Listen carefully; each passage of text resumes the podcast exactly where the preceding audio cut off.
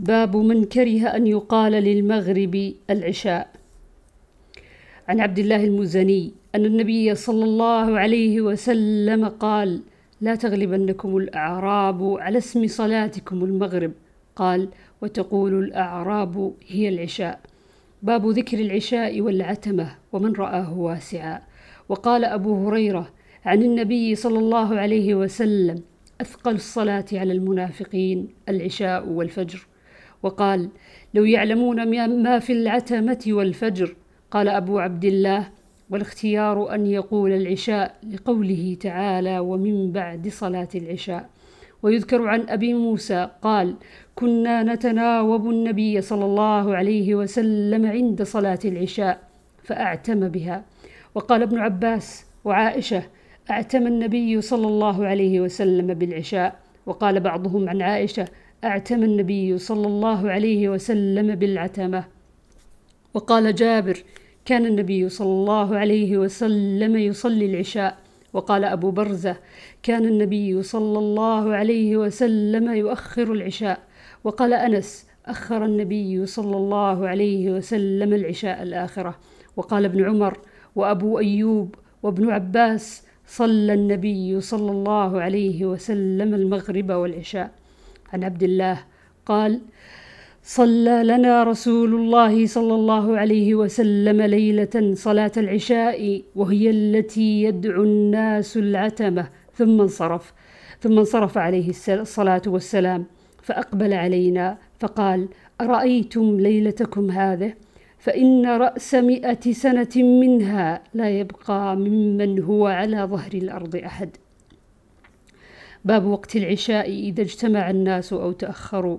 عن محمد بن عمرو هو, الحس هو ابن الحسن بن علي. قال سألنا جابر بن عبد الله عن صلاة النبي صلى الله عليه وسلم فقال كان النبي صلى الله عليه وسلم يصلي الظهر بالهاجرة والعصر والشمس حية والمغرب إذا وجبت والعشاء إذا كثر الناس عجل وإذا قلوا أخر والصبح بغلس.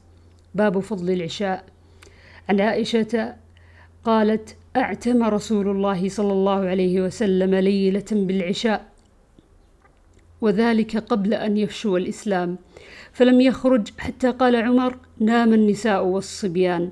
فخرج فقال لأهل المسجد ما ينتظرها أحد من أهل الأرض غيركم.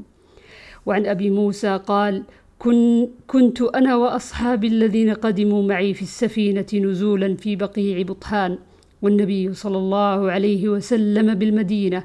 فكان يتناوب النبي صلى الله عليه وسلم عند صلاة العشاء كل ليلة نفر منهم.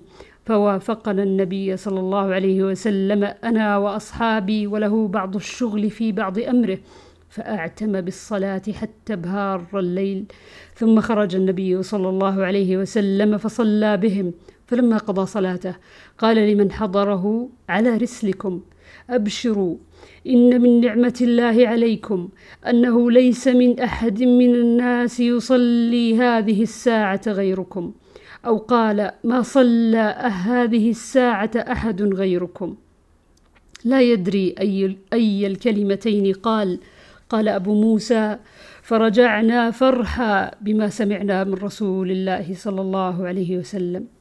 باب ما يكره من النوم قبل العشاء. عن أبي برزة أن رسول الله صلى الله عليه وسلم كان يكره النوم قبل العشاء والحديث بعدها. باب النوم قبل العشاء لمن غلب. عن عائشة قالت أعتم رسول الله صلى الله عليه وسلم بالعشاء حتى ناداه عمر الصلاة نام النساء والصبيان.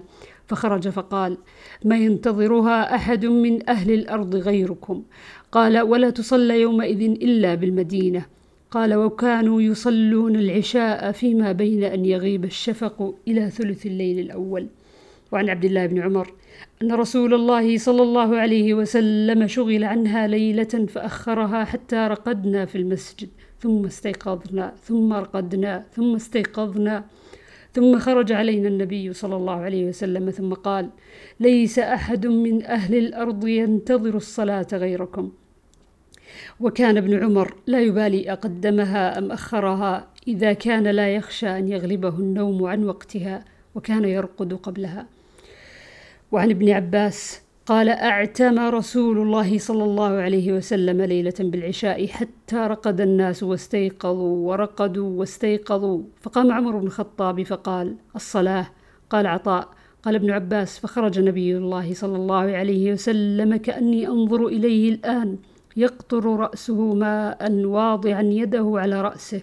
فقال لولا أن أشق على أمتي لأمرتهم أن يصلوها هكذا. فاستثبت عطاء. كيف وضع النبي صلى الله عليه وسلم يده على رأسه كما أنبأه ابن عباس؟ فبدد لي عطاء بين أصابعه شيئا من تبديد.